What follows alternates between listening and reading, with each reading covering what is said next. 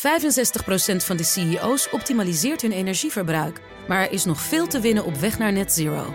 Meer weten? Ga naar pwc.nl slash netzero. DNR Nieuwsradio. Boekenstein en de Wijk. Hugo Reitsma. Russland weist jede Verwicklung in den Mord an einem Georgier in Berlin von sich. The man killed in Berlin uh, is, was a Chechen national. Also ich treffe ja den russischen Präsidenten nächste Woche. He was shot by a cyclist uh, in the back of the head. Moscow has also been blamed for killings in Austria, Azerbaijan and of course Turkey. Het is niet de eerste keer dat de GRU zich heeft laten pakken. De gifgasaanval op de spion Skripal is uitgevoerd door twee medewerkers van de Russische geheime dienst. It was almost certainly also approved outside the GRU.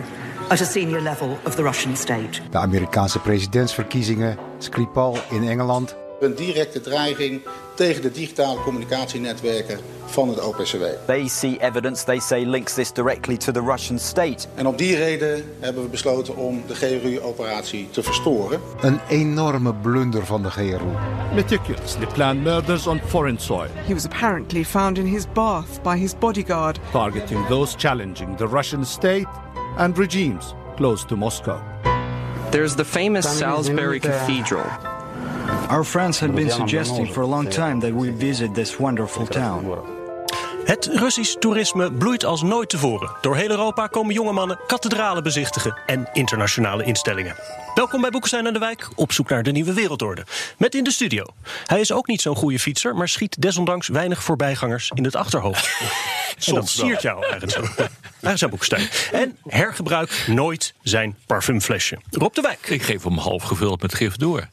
De gast is Ben de Jong, onderzoeker op het gebied van inlichtingendiensten aan het Institute of Security and Global Affairs van de Universiteit Leiden. Collega van Rob dus. Welkom. Goedemiddag. Duitsland verdenkt uh, Moskou van die moord op, op een Tsjetsjen in, in uh, Berlijn. Hoe sterk zijn de aanwijzingen daarvoor? Nou, als je afgaat op wat er tot nu toe uit de media bekend geworden is, zijn de aanwijzingen toch eigenlijk heel erg sterk. lijkt het vrijwel onontkoombaar dat hier zeg maar een Russische uh, staatsorganisatie achter zit. En dan denk je natuurlijk gauw aan een van de diensten. En gezien het aantal moorden en liquidaties de afgelopen tijd in Europa, denk je dan heel gauw aan de GRU, aan de militaire inlichtingendienst. Dat is de militaire inlichtingendienst. Ja. En die zou volgens het Bellingcat heeft daar weer eens naar gespeurd. Hè? Die zouden dan zelfs een team hebben speciaal voor dit soort. Uh, dingen. Ja, een team uh, waarvan ook het nummer bekend is, 291155. En uh, dat zou uit een aantal, uh, om het heel simpel te zeggen, professionele killers bestaan. En die, net als vroeger in de Stalingtijd in de jaren 30, had je ook van die teams, liquidatieteams van de geheime dienst onder Stalin, die toen NKVD heette. En die zwierven door Europa en links en rechts legden ze zoveel mensen om. En ja, in zo'n tijdsgewicht zijn wij wat dat betreft nu ook. Wat had die man in Berlijn gedaan? Waar, waarom die dood moest? Ja, hij heeft dus uh, blijkbaar een, een, rol gespeeld in uh, de, de, Tweede Tsjetsjeense oorlog. Hè, die uh, begon in 1999, toen min of meer gelijktijdig met het presidentschap van Poetin, het begin daarvan. En uh, ja, in die uh, Tsjetsjeense oorlog is het natuurlijk niet uh, al te zachtzinnig aan toegegaan. Van beide kanten niet overigens. Hè. Hm. Um, en ja, wat hij daar precies heeft uitgesproken, dat weten we niet. Maar je mag aannemen dat hij, laten we zeggen, geen al te positieve ideeën had over de Russische staat en over Poetin. Ja, dan moeten ze uit de weg worden geruimd. Daar komt het feitelijk op neer. Dat hebben we natuurlijk met Schiphol ook gezien. Ja, dat, dat is natuurlijk in, in Engeland. In, in de Engeland. praktijk, ja. In, in, in Salisbury, uh, dat is natuurlijk in de praktijk wat de laatste tijd uh, vaak gebeurt. Hè. Het interessante is dus dat, dat ze eigenlijk altijd, over het algemeen, althans, uh, hun eigen afvalligen. Hè. Dus mensen, Russen, voormalige tegenstanders van Poetin, die naar het westen zijn gegaan of, of, of naar Turkije, ehm, die, die nemen ze te pakken. En Skripal, Skripal was een overgelopen spion, nietwaar? Ook van de GRU. Skripal, ja, ja Skripal, Skripal ja. was een, ook een GRU-officier. Dus die, er zit trouwens een hele interessante geschiedenis achter. Want Skripal is in de jaren negentig in Spanje, waar hij toen gestationeerd was, gerecruiteerd door de Britse inlichtingendienst. Als agent, als spion, zeg maar. Uh, en uh, hij is op een gegeven moment uh, verraden door iemand. en heeft toen, kreeg toen een douw in Rusland, is veroordeeld, kwam in een kamp terecht. En is in 2010 uitgewisseld. toen die tien Russische spionnen uit de VS werden uitgewisseld, toen was Skripal een van degenen die ook werd vrijgelaten en werd geruild tegen die tien Russen die op, op het vliegveld van, van Wenen. Hè, in een echte ouderwetse Koude Oorlogsscène. Ja. ja. Dus we hebben een oud spion en we hebben een, een Tsjetsjeen. Wat hebben we nog meer voor zaken? Nou ja, je hebt natuurlijk de, hele, de beruchte Litvinenko-zaak, Londen 2006. Uh, eh, Polonium. Uh, Polonium 210. Uh, dus ook een heel interessant punt is wat, wat de Russen heel vaak doen. Kijk, eh, laten we zeggen nu in Berlijn, die liquidatie van die Tsjetsjen, Gangoshvili. dat was, nou ja, ik zal maar zeggen, een klassieke organized crime hit. twee kogels in het achterhoofd. Maar wat je ook heel vaak ziet, is dat ze hele zeldzame soorten gif gebruiken. om, om iemand om te leggen in het buitenland. Nou, dat hebben ze bij, bij al gedaan. Hè, met een, een, gif uit de groep Novichok, een soort uh, zenuwgas of iets dergelijks. En dat hebben ze eigenlijk met Litvinenko ook gedaan. Waarom doen ze dat? Waarom nemen ze dit spul? Kan je er niet wat anders voor bedenken? Wat minder te traceerbaar, te traceren is? Want in die beide gevallen die je net noemde, wijzen alle sporen naar Moskou, om het maar zo te zeggen, naar de GRU. Jawel, maar in, het geval van, van Litvinenko bijvoorbeeld, tijdens Polonium 210, was het bijna zo gegaan dat dat, dat gif niet ontdekt was. want het was een, echt een heel raar afwijkend gif. Eh, of eigenlijk een stof die nooit als, als gif bij een moord was gebruikt. En dat geldt ook voor, de, voor dat Novichok en vooral van Skripal. Dus uh, je mag was niet de bedoeling dat het. Uh, dat het nee, je mag aannemen dat eigenlijk de bedoeling was dat, uh, dat het nooit ontdekt zou worden. En ja, dat het dus. Dan gooi je ook geen parfumflesje weg. Daar werd ik ook net van beschuldigd. Maar ja, dat moet je niet die, die jongens die dus die aanslag hebben gepleegd, die hebben gewoon die, die parfumflesjes gewoon in een bosje geflikkerd. Werd er vervolgens uitgehaald door iemand die iemand gaf dan gaf aan zijn vriendin. Ja, en die ging dood. Nee, nee, dat is natuurlijk zo. Hè. Maar uh, kijk, het, het, rare van die aanslagen is uh, dat ze de laatste tijd in ieder geval vaak op een hele klunzige manier wordt uitgevoerd tegelijkertijd. Ja. En, en nou een van de mogelijke verklaringen daarvoor is dat dit zijn eigenlijk uh, GRU-officieren, dus van de militaire inlichtingendienst. En dat zijn eigenlijk geen uh, zeg maar echte inlichtingenofficieren, hè, geen spionnen, ja. die gewend zijn hun sporen te verbergen en uh, zeg maar echt heel stil en op de achtergrond te opereren. Het zijn jongens die getraind zijn uh, om iemand om te leggen, om het heel bot te zeggen, ja. en vervolgens zo snel mogelijk te verdwijnen en dat er dan ook nog een parfumflesje in de vuilnisbak Het zijn komt. militairen, dus dat gaat gewoon ja, een beetje. Maar aan de andere kant kun je ook, je, aan de andere kant kun je ook zeggen dat het in sommige gevallen gewoon handig is om wel sporen na te laten. Kijk, dit is een, een, een dictatuur, een autocratie die dit soort operaties uitvoert. Uh, als wij per ongeluk uh, mensen om het leven brengen. Hè, wat nu weer uh, speelt, wat er in Irak is uh, gebeurd. Dan krijgen we verschrikkelijke uh, toestanden in het parlement en in de media. Daar gebeurt dat natuurlijk gewoon niet. Daar kun je dat doen. Het wordt er gewoon allemaal keihard ontkend. En er gaat natuurlijk ook een heel belangrijk signaal uit van het wel bekend worden van dit soort uh, operaties. Met andere woorden, uh, als jij een oud GRU-spion bent en je bent overgelopen, dan ben je je leven niet zeker. Hm. Uh, als jij probeert als land, en dat is Montenegro overkomen, maar dat is ook Moldavië overkomen, als land wegdrijft van, uit de Russische invloedssfeer ja, dan, dan wordt dat tegengewerkt. Uh, en dat gebeurt gek genoeg redelijk openlijk. Uh, je komt er vrij snel achter dat de Russen daarachter zitten. Met andere woorden, het lijkt bijna ook opzet om het op die manier te doen. Ze willen laten zien, wij zijn er. Ja. Mm -hmm. Nee, ik denk, ik denk, laten we zeggen, het zijn die twee dingen. Uh, ik denk dat het op een bepaald niveau ook eigenlijk niet echt kan schelen. Ja. Nou, dat blijkt ook wel uit de reacties. als, als het bekend wordt, dan liggen ze er toch gewoon op los. Ja. Maar het kan ze ook niet echt schelen dat dit signaal wordt afgegeven. Er wordt hier gezegd, uh, alle, iedere Rus die, die Poetin bestrijdt in het buitenland, die moet in principe voor zijn leven vrezen. Ja. Bovendien uh, laten wij ook het Westen zien op deze manier dat wij schaamteloos op hun territorium ja. uh, mensen kunnen vermoorden. En het maakt ons allemaal geen bal uit. En het is ook slim, want elke iemand die overweegt om afvallig te worden, gaat toch even drie keer nadenken. Dat is het idee, ja. Heel duidelijk lijkt kun, me. Kun je een leuke ja. film over maken. Ja, dus zo klunzig is het niet. Als je het zo bekijkt. Hm. Uh, Nee, maar kijk, als je, kijk, dan, kijk dan bijvoorbeeld, ze proberen natuurlijk wel te liegen, wat ik zei. Hè? Nou, en is het dan nodig om met zo'n buitengewoon achterlijke coverstory te komen als die twee in, in, in, in Salisbury die zeiden van ja, we vonden die kathedraal zo mooi. Ja, dat ja. Dan kan je toch wel iets, iets beters bedenken. Met de tekst die rechtstreeks uit Wikipedia kwam, toch? Over ja, de klokkentoren. Maar weet je wat de Russen doen? De Russen die geven uh, wagonladingen aan verklaringen. De een nog gekker dan de ander. Dat doen ze heel bewust. In de hoop dat mensen dan helemaal de kluts kwijtraken. Ja, nee, dat, dat mechanisme zie je de hele tijd. En dat... Uh, dat, eigenlijk met, met, ten aanzien van alle kwesties. Niet alleen Skripal en, en ook Litvinenko. Van Litvinenko werd gezegd, ja, hij heeft gewoon zichzelf vermoord om, om Poetin in discrediet te brengen. Uh, maar je ziet het ook bij MH17. Uh, en, duizenden verklaringen. Ja, en, en dat zijn dan duizenden verklaringen die ook voor een heel groot deel elkaar weer tegenspreken. Ja, maar het dus, past ook wel heel erg, vind ik, in de Russische aard, om het maar zo te zeggen. Ik bedoel, het is grof. Kijk eens wat ze gedaan hebben in Tsjetsjenië in de jaren negentig. Dat grenste echt aan genocide. Gewoon uh, hoppakee, uh, ja. uh, de hele hoofdstad... Asfalteren? nou ja, ja, wat de Amerikanen zeggen, we maken er een parkeerterrein van. Ja. dus inderdaad, geen, geen, steun, geen, steun, geen steen stond meer op de andere. We hebben gezien hoe zij in, in Syrië Assad steunden. Idem die toch gewoon keihard, ongelooflijke bombardementen, deurgedoden maakt niet uit. omdat die, die discussies zijn er toch niet.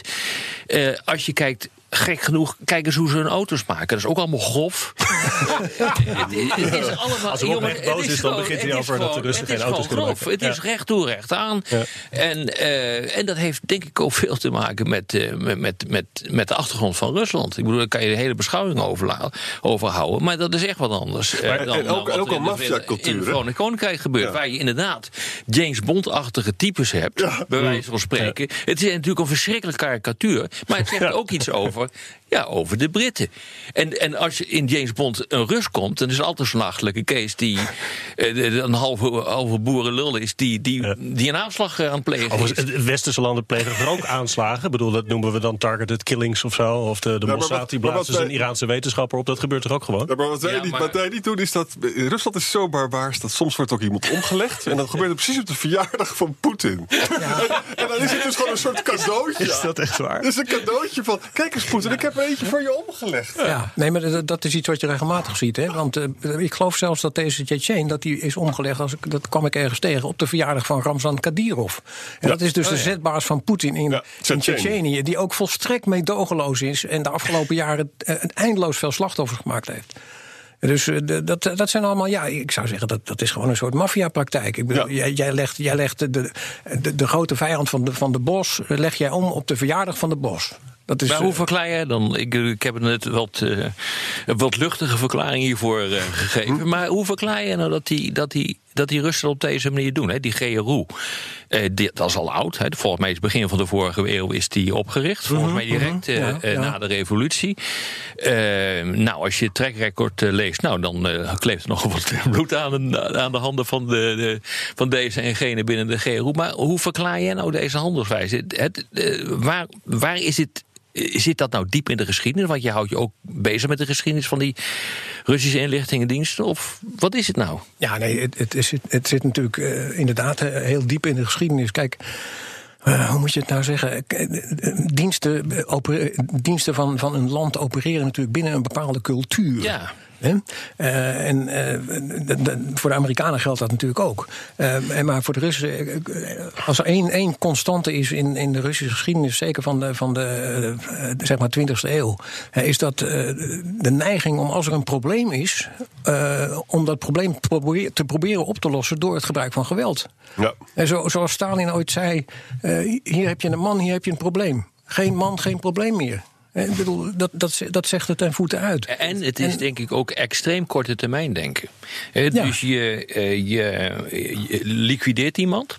Ja. Of je houdt je bezig met de annexatie van de Krim. Ja.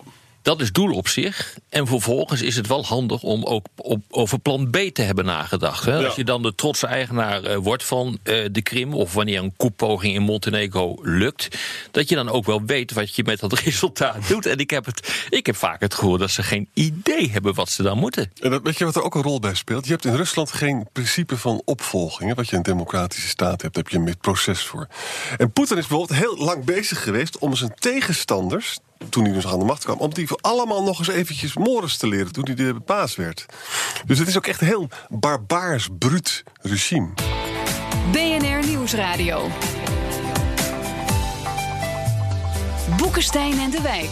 Op zoek naar de nieuwe wereldorde. Dit is Boekenstein en de Wijk. En het programma is natuurlijk niet zonder Arjan Boekenstein en Rob de Wijk. Mijn naam is Hugo Reitsma en onze gast is Ben de Jong... verbonden aan het Institute of Security and Global Affairs in Den Haag. En u geeft les, zeg ik dat goed, in de geschiedenis van de KGB? Ja, in eh, KGB-inlichtingoperaties vooral. En eh, ja, af en toe komt ook zo'n liquidatie aan de orde. Hè, want die eh, hebben natuurlijk in de loop der geschiedenis nogal vaak va- plaatsgevonden. Ze hebben daar een, een, een zekere traditie in. Een, een hele lange traditie. Er zijn wel fluctuaties in, hè, maar met name zal ik maar zeggen, tot in de jaren 50 en in de Stalin-tijd gebeurde het heel vaak. En de meeste van die slachtoffers zijn we natuurlijk inmiddels al lang weer vergeten. Hè. Een enkeling is nog bekend, zoals Trotsky in Mexico in 1940. Ja. Maar ja, dat, dat is een oude traditie. En nou ja, die is nu, kun je zeggen, toch eh, duidelijk in ere hersteld. Als u over straat loopt, kijkt u dan wat meer om u heen dan een normale burger? Goeie vraag. Nee, ik, ik denk het niet. Mijn vrouw zegt altijd: Jij ziet ook niks. dus, eh, eh, nee, ik geloof niet dat dat zo is. Ik, ik ben gewoon iemand die zit achter een bureau en die leest boeken eigenlijk. Dus ik, overigens heeft Den Haag speelde ook wel een beetje een rol als een spionagecentrumpje, toch? In, eh, in de Koude Oorlogstijd. Nou ja, al was het maar omdat de Russische ambassade of de Sovjet-ambassade toen eh, daar zat en de, de BVD zat er natuurlijk ook. En eh, die twee, eh, ja, die eh, Hielden elkaar hielden- bezig. hielden elkaar in de gaten en hielden elkaar bezig. Ja. Nou ja, het interessante is wat dat nou eigenlijk voor types zijn, hè, die dit soort aanslagen uitvoeren. Want wat ik. Wat mij echt opvalt, is dat we gewoon bijna namen en rugnummers continu kennen. Bellingcat heeft daar inderdaad een belangrijke rol in gespeeld. Maar er lekt ook wel heel veel uit hoor. Eh, Even een bloemlezing, hè. Die GRU. Hè, dat zijn eh, unit 2665 en 74455, dat zijn de cyberaanvallers. Hè? En dan heb je, eh, die is net genoemd, 2955, dat is een moordgroep. 74455 is ook zo'n moordgroep. Dan heb je 99450. Die heeft eh, orde op zaken gesteld in de Krim in 2014. We, we- het, weten echt belachelijk veel. ja, het- Ja. we, we- we weten, je hoeft alleen maar de kant te lezen. En eh, de Poetin-investeerders zullen natuurlijk onmiddellijk zeggen... ja, dat is natuurlijk allemaal om, eh, om Rusland te zwart te- te maken. Maar we weten echt ontzettend veel. Dus kennelijk door, eh, door het, het, het vergaren van informatie door open bronnen... nou, als je daar inderdaad handig in bent... dan kun je ontzettend veel te weten komen. Maar eh, zie wat Bellingcat eh, doet. Eh, maar kennelijk ja, lekt er ook een hoop uit... uit geheime bronnen. Toch Hoe een dan, Hoe, hoe weten we dit allemaal? Nou, ik denk, ik denk wat. eh, er zijn natuurlijk de kwestie van open bronnen van Bellingcat en zo. Een geweldig speurwerk van zo'n club. Dat is ongelooflijk.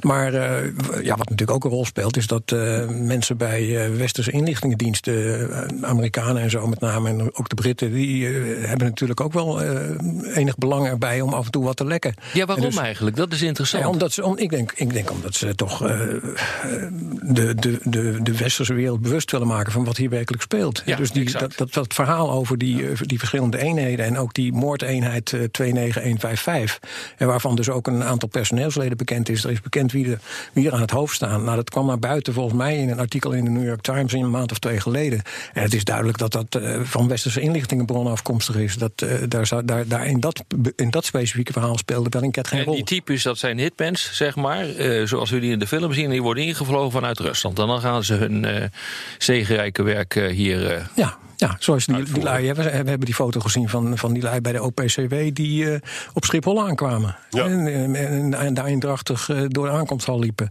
Dat waren echt klunzen, hè? Eh, ja, die zelfs nog een taxibonnetje op zak hadden.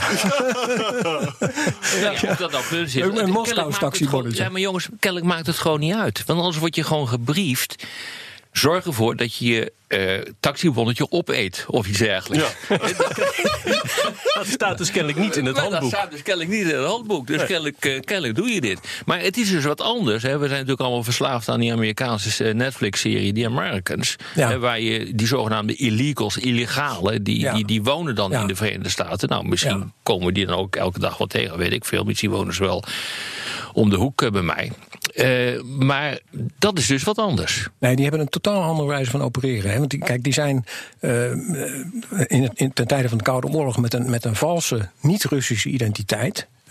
Werden ze in het Westen gestationeerd. En hun, hun bedoeling was om inlichtingenwerk te doen, om, om hele belangrijke agenten te runnen. Ehm, terwijl ze dus eh, zeg maar onderdoken in de grote massa. En, en vaak bleven die jarenlang of decennia eh parkeerden ze die zichzelf in, het- in het Westen met een valse identiteit en een, en een valse legende en een valse achtergrond. En dat is een totaal ander soort mensen dan die lui waar het nu de laatste Maar tijd die, hier om gaat. die winnen informatie in. Dat ja, die, dat, die, die, die runnen agenten, zal maar zeggen. Iemand, zo'n illegale, zoals uit de, Amerika, uit de Americans, die runt dan bij wijze van spreken een belangrijke agent uh, in het, die, in, die in het Pentagon werkt. Een Amerikaan dus, terwijl de, de illegaal zelf Rus is. En, en, dat kwam tijdens de Koude Oorlog heel vaak voor. En die illegalen, uh, die runnen heel vaak belangrijke agenten. Waarom? Omdat ze vrijwel niet te traceren zijn. Ze zijn alleen maar te traceren eigenlijk als er verraad is in de eigen gelederen. En anders, anders dan, dan kan een westerse veiligheidsdienst ze nooit vinden. En Poetin die komt ook uit die wereld, die komt uit de FSB. Hè? Uh, uit, de, uit, de, KGB en hij is uh, onder Yeltsin korte tijd uh, directeur van de FSB geweest. Hè? Maar hij was gestationeerd in, in, in het vroegere Oost-Duitsland, ja, in, de, in, de DDR, in, in Dresden. Duitsland. Ja, hij spreekt redelijk, redelijk Duits. Ja. En wat deed hij daar? Nou ja, was hij, uh, hij zat. Uh, zijn, hoofd, zijn, zijn, zijn kantoor in, in Dresden, waar hij toen zat. Dat was, hij hoefde alleen maar de straat over te steken om bij de Oost-Duitse kameraden van het ministerie van Staatsveiligheid naar binnen te kunnen lopen. Dus die werkte heel nauw samen. En uh, voor zover bekend was hij daar bezig met het recruteren ook van Westerlingen. Dat deden ze natuurlijk graag. Die in, in Oost-Duitsland op bezoek kwamen. En in 2006 heeft hij een decreet getekend of een wet getekend. waardoor dit soort moordaanslagen ook legaal zijn. Ja, ja nou ja, ja. Maar je kunt je afvragen natuurlijk, was dat, was dat tekenen van dat decreet echt nodig? Maar goed.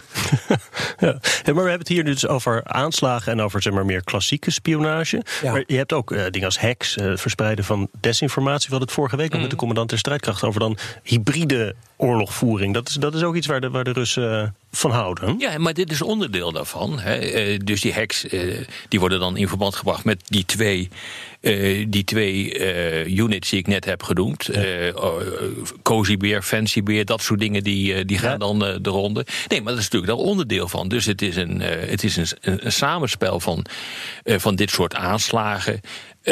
die dus ook de bedoeling hebben om een signaal af te geven aan bijvoorbeeld de regering van Londen, in Londen. hacks, desinformatiecampagnes, ondermijningscampagnes in landen. En uiteindelijk is het doel, en het, het grappige is, men is daar ook helemaal niet, uh, niet zo geheimzinnig over. Dat kan je gewoon lezen in hun doctrines. Dat, dat staat er gewoon letterlijk in, hoe dat moet. En dat is ook nog eens een keer keurig in het Engels vertaald. Dat kan je weghalen op de website van, uh, van uh, de president. Dus het gaat allemaal geval. heel klungelig en heel erg openlijk. Maar het is eigenlijk wel best wel succesvol, toch? Nou ja, dat vraag ik me dus af. Want wat er dus. Uh, kijk, de bedoeling is van hybride tactieken om de afzonderlijke landen van de Europese Unie of de NAVO te ondermijnen. Om daar verdeeldheid te, te zaaien, zodat de NAVO als geheel geen vuist kan maken. Dat lukt toch best goed? Nou, er is net ook gezegd uh, door Ben, uh, het wordt ook bewust naar buiten gebracht om uh, de bevolking duidelijk te maken wat er aan de hand is. De weerbaarheid van onze bevolking wordt denk ik wel eens een keer echt onderschat door de Russen. Die is denk ik groter. dus die hele toestand rond de OPCW die we een jaar geleden hebben gehad, dat was al een jaar geleden volgens mij, Zoiets, ja. in, in ja. Den Haag. Ja. Uh, waar die ook ja, waar die lui dus vanuit de, de, kofferbak uh, bezig waren om uh, op het wifi-netwerk te komen van, van de OPCW in, in Den Haag. dat is ook bewust naar buiten gebracht om duidelijk te maken wat er aan de hand is. En, de, en dan hoop je dus dat de weerbaarheid van de mensen ook toeneemt. En een democratie is wat lastig onderuit te krijgen hoor. Dat is maar, wel. Maar, maar, even toch een aantal dingen. Het Oekraïne-referendum heb ik zelf een beetje meegemaakt, die zaaltjes. Hè. Mm. Er zaten opeens twee ja. rare Russen in de zaal. Niet erg handige Russen. En ik weet ook niet of ze geld gaven aan mensen die ervoor waren. ja. Maar goed, we hebben genoeg nuttige idioten in Nederland. Hè. MA17, had je die gekke website Novini. Met volgens mij een beetje orthodoxe christenen. Die de gekste dingen over die MH17 beweerden. Ik heb me altijd afgevraagd, waarom doen ze dat nou? Hè? En wat, volgens mij krijgen zij geen geld van de Russen. Maar is het gewoon, dat zijn mensen die hebben zich vastgebeten in hun eigen gelijk. Hè? Ja, maar ja. je hebt altijd fellow travelers. Uh. Ja. Ja, maar, goed, dat, dat, ja. dat verschijnsel had je natuurlijk vroeger ook. Alleen het punt is dat in het huidige tijdsgevricht... Uh, dat soort mensen hun uh, vrij bizarre ideeën... Ja. Uh, heel makkelijk kunnen verspreiden via internet. En, en, en de Russen natuurlijk hun bizarre ideeën ook. Ja. Desinformatie. Voor de radio zijn we eigenlijk al door de tijd. Op de podcast gaan we door met luisteraarsvragen. Dus bent u van de GRU? Uh, switch dan nu van de radio naar iTunes, Spotify of bnr.nl. Wout T. die vraagt: Is er sprake van een concurrentiestrijd tussen de GRU, de FSB en de SVR voor de meest ludieke actie? Ik weet niet of die, dit is een. Nou, dat, is, dat, is de vraag. Goeie vraag eigenlijk. Hoe zit het met concurrentie tussen die, uh, die diensten, meneer uh, Ja, nou, misschien kunnen we het punt van het ludiek even bij de beschouwing maar kunnen we misschien in twee delen. Ja, nee, kijk, het is zo dat eh, Rusland is natuurlijk een staat eh, waar het recht en rechtsregels regelmatig met de handen, met de voeten wordt getreden. Er wordt de hand mee gelicht. En dus die diensten die concurreren ook heel vaak met elkaar. En deels ook om de gunst van de president. Hè. Hoe dichter je bij de president staat, hoe vaker het hoofd van de dienst de president spreekt. Dus des te belangrijker is de dienst. En eh, er zijn, eh, dat is ook wel bekend uit, eh, zeg maar uit, uit wat er over geschreven is eh, door westerse eh, analisten en zo. Ja, dat er regelmatig eh, onderlinge confrontaties zijn waarbij eh, eh, personeel van de ene veiligheidsdienst eh, een andere arresteert wegens corruptie. En eh, eh, dan volgt er een proces. En eh, nou ja, meestal als er een proces begint in Rusland, dan wordt eh, de beschuldigde ook eh, schuldig bevonden. Hè. Er wordt vrijwel nooit iemand vrijgesproken. Dus eh, nee, dat, soort concurrentie, dat eh, moet je niet onderschatten. Maar die speelt zich voornamelijk zeg maar, in Rusland zelf af. En je, je merkt daar in het buitenland bij die operaties, eh, van die liquidaties ook, merk je daar niet zo verschrikkelijk veel van. En het lu- ludieke deel? Wat? Of wat, wat is dus maar de meest creatieve eh, liquidatiemethodes? Ja, nee, eh? ik, ik denk, nou, je kunt er zover zeggen, ik weet niet of je dat ludiek moet noemen, maar wat, wat natuurlijk heel, eh, wat, wat geloof ik al eerder genoemd eh, is door mij ook, en dat eh, ze echt een traditie hebben van ook vaak eh, opereren met eh, hele zeldzame soorten gif. En Ja. misschien kan je dat ludiek noemen. Ricine Spacecake. Ik denk dat in het kader van dit programma heet dat gewoon... Plutonium lollies. Ja. Dirk Kwakkel vraagt: eh, hoe komt het dat de Russen weliswaar zo effectief, maar ook zo slordig zijn? Ja, eigenlijk dat punt weer. Daar hebben we veel vragen over. Dirk Kwakkel die zegt: het is niet echt James Bond. Waarop eh, met Steinglas eh, antwoordt: Nou, James Bond die zegt altijd als hij een hotel of een eh, casino instapt: Mijn naam is Bond. Dat is ook niet echt opsec. Eh, maar dus ik denk dat we dit punt wel. eh, Dat hebben we uitvoerig besproken, toch? ja. Reno van Daal vraagt: werken de veiligheidsdiensten onafhankelijk van het regeringsapparaat voor operaties in het buitenland of vindt er afstemming plaats?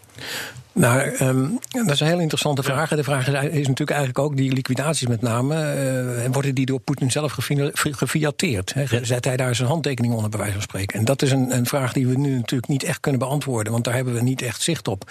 Wat je wel kunt zeggen is bijvoorbeeld dat in de Stalin-tijd. eh, Stalin was een ongelofelijke, eh, als ik dat hier mag zeggen, komma-neuker. Die die een control freak. was ondenkbaar in de Stalin-tijd dat er een liquidatie in het buitenland plaatsvond. zonder dat Stalin daar expliciet zijn toestemming voor had gegeven. Of dat onder Poetin zo is, dat weten we niet. Het kan heel goed zijn dat Poetin gezegd heeft. en dat heeft hij trouwens ook in het openbaar wel eens gezegd. Hè, van eh, verraders, die eindigen in de goot. eh, die gaan er uiteindelijk eh, gaan eraan of ze plegen zelfmoord. Hè? En dat, dat kun je zien als een soort algemene aanwijzing van jongens. van mijn diensten, als jullie zin hebben om iemand, hè, met name een Rus, dus in het buitenland, een afvallige Rus, als, om iemand om te leggen, ga rustig je gang. Hè, dus, dus zo zou je het kunnen interpreteren, maar we weten het niet zeker. Maarten Hilbrandi die vraagt: eh, ja, dit gaat allemaal over de GRU, maar eh, je hebt ook nog de SVR. Eh, hoeveel van hun operaties blijven uit de publiciteit? Ja, maar dit is anders. Hè. Waar we het nu over hebben, de GRU, dat, dat is Spetsnaz. Dat, is, dat, dat zijn gewoon hitmen. Eh, militair. Dat is niet het gesofisticeerde eh, inlichtingenwerk. Dit Dat is is die gewoon SVR recht toe, is- recht, recht toe, recht aan doden. Ook op gezag in wezen van Poetin. Daar ligt natuurlijk al een deel van eh, het antwoord op eh, de vorige vraag. Want hij heeft namelijk zijn handtekening gezet onder een wet waarin dit mogelijk eh, wordt eh, gemaakt. Met andere woorden, hij weet dit en het mag. Hè, dus het wordt gesanctioneerd. Nee, en de rest, ja, dat, dat is ook.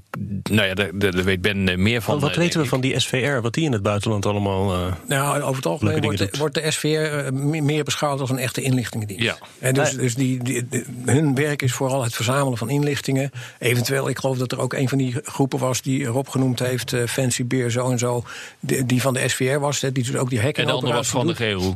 Ja, en de andere was van de GRU. Ja. Maar eh, dus het echte inlichtingenwerk, hè, zeg maar, de, de lui waarschijnlijk die hier op de ambassade zitten in Den Haag, daar zit natuurlijk Russisch inlichtingenpersoneel. Eh, dat zijn hoogstwaarschijnlijk, eh, daar zit een GRU-figuur ongetwijfeld bij, of, of meerdere, en, en daar zitten ook SVR-mensen bij. Oké. En die kennen we ook wa- waarschijnlijk allemaal bij naam en kentekennummer, of niet? Eh, Eh, nou, wij, wij misschien niet, maar eh, ik mag hopen de AIVD wel. Ja, die zijn natuurlijk allemaal bekend. ja. Daar heb je ze even weer. Nee, maar dat zijn natuurlijk ook. Kijk, iedere keer worden mensen uitgewezen. Dat zijn ook vaak van dat soort mensen. Ja. Dus dan, eh, de- de- dat hebben we gezien na eh, Schiphol. Eh, Toen werden er allemaal dat soort mensen uit, eh, uitgejaagd. In Berlijn die ook. hadden vaak een inlichtingachtergrond. Ja. Jelle Andriessen vraagt in hoeverre is dit, tussen haakjes juridisch, vergelijkbaar met de drone-aanvallen die het Westen de afgelopen jaren uitvoert op leiders van terroristische organisaties? Ja, dat is een hele goede vraag trouwens. Dat is een hele goede vraag, ja. En ik zou het eigenlijk niet eens weten. Eh. in ieder geval is het juridisch in Rusland afgedekt door die handtekening van, van Poetin. In uh, Amerika zijn die droneaanvallen juridisch afgedekt door bij wijze van spreken de handtekening van de president. Ja. Uh, want die is commander-in-chief, dus uh, dat is de hoogste, de hoogste baas van de krijgsmacht. Dus ik denk dat het inderdaad in dit geval, in, oh nee, sorry, in beide gevallen wordt afgedekt door de hoogste, door de ja. hoogste leider. Dus juridisch is er niets aan de hand in beide gevallen. Nou, ja, dat is wel heel vervelend, maar je kunt je vragen of het überhaupt door de beugel, beugel komt, kan en of dit wel past binnen de moraliteit van land. Maar goed, dat is ja, dus, anders. En, er is natuurlijk nog een belangrijk verschil. Hè. Kijk, de, degene die uh, in, in, door de Verenigde Staten door middel van drone-aanvallen in het Midden-Oosten en dergelijke worden omgelegd, dat zijn in principe, hoewel daar natuurlijk ook burgerslachtoffers bij vallen, dat moeten we niet vergeten. Hm. Maar dat zijn in principe terroristen die uh, geweld willen gebruiken tegen de VS of tegen de, de, bondgenoten van de VS.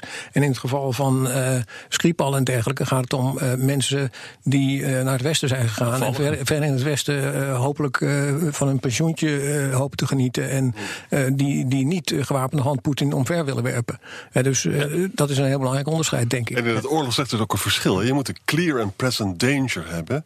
Mag je, mag je dus een gerechtvaardige oorlog beginnen. En dat is natuurlijk bij, bij een bejaarde Russische spion in Londen in een flat... Ja. is dat natuurlijk niet helemaal een clear and present danger. Waar, waarbij, waarbij overigens zijn dochter ook nog een douw meekreeg. Hè? Dat, dat nog even terzijde. Die heeft het net overleefd, geloof ik, of niet? Ja, ze hebben het allebei overleefd. maar ze zijn niet meer in de publiciteit. Dus je mag aannemen, mijn, mijn idee is dat ze nog steeds ernstige gevolgen ondervinden van wat er toen gebeurd is, ja. denk ik. Ook, ook in, hun, uh, in hun brein, zeg maar. Ja. Reinier Bosman vraagt: waarom is Duitsland, in tegenstelling tot eerder het Verenigd Koninkrijk, zo stil gebleven? Ik denk dat dat te maken heeft met het feit dat het eerst bij, een, bij het OM op een laag niveau uh, lag. En Die pas daarna, ja. ja. en pas daarna is het naar het OM op een hoger niveau uh, gegaan. En uh, ik denk dat, uh, dat Merkel iemand is die pas echt zeker wil weten wat erachter zit voordat ze gewoon op de trom gaat slaan. Ja, ik, ik dus denk, dat kan nog komen. Nou, dat, dat, speelt, dat speelt denk ik wel een rol wat erop zegt. Maar ik denk dat het ook zo is dat, laten we zeggen, het arsenaal aan mensen die.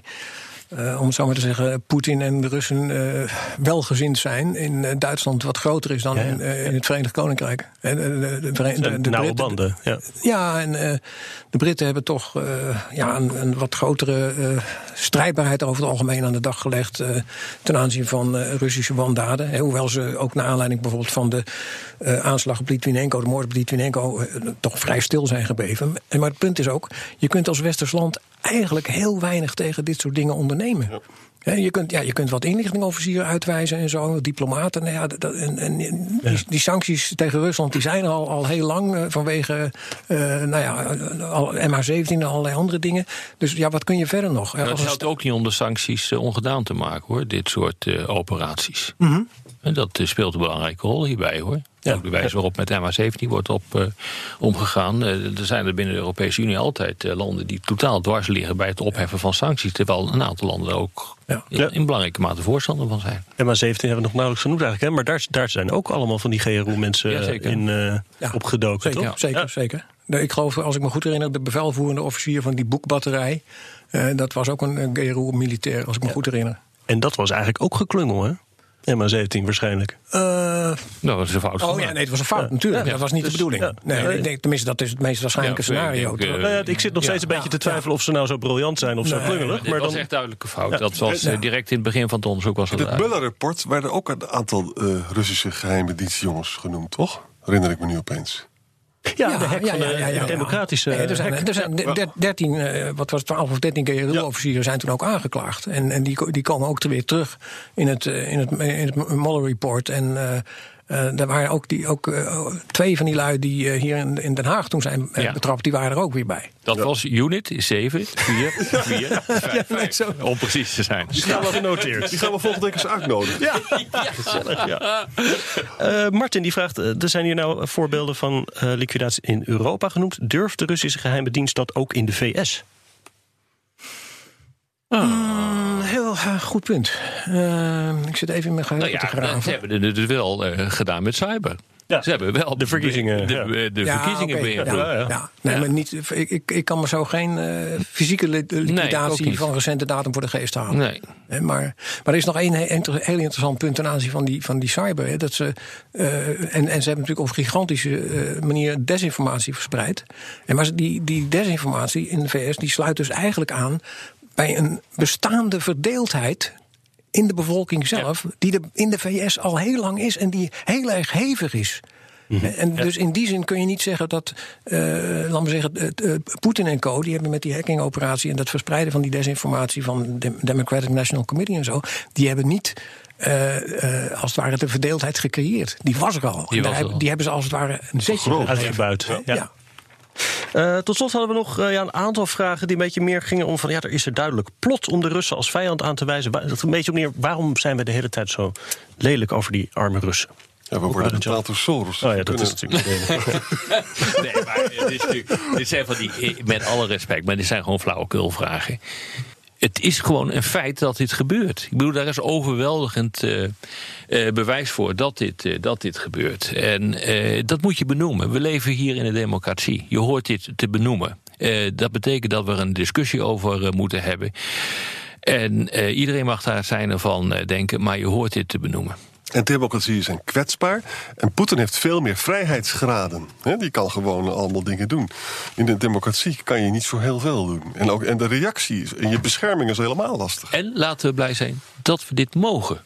Ja. En niet van BNR, maar in onze democratie. Dat we hier een open discussie over kunnen hebben. Ik denk dat dat in Rusland niet kan. Nou, laten we misschien met deze warme woorden eindigen. Dit was weer Boekenstein naar de Wijk. De groetjes aan unit 29155. Namens Arend Jan Boekenstein en Rob de Wijk zeg ik dank voor het luisteren. Speciale dank aan Ben de Jong. En tot volgende week. %